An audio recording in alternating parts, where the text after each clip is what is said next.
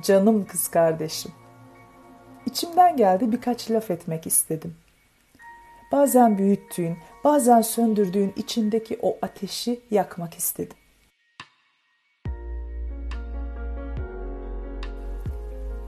Asıl olanın sana öğretilenler değil, yaşadıkların olduğunu kulağına fısıldamak istedim. Hep ama hep hatırla. Sana kimse kendini değerli hissettiremez. Sen doğuştan değerlisin. Seni kimse güçlendiremez. Sen zaten doğanın tüm güçleriyle yaratıldın. O güce sahipsin.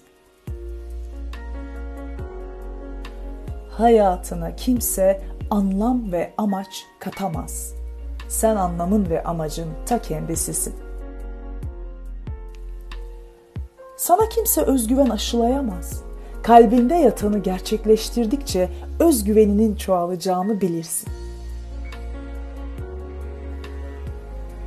Hep ama hep hatırla. Hak ettiğin her şey zaten içinde var ve sen fark ettiğinde ışığın parlar.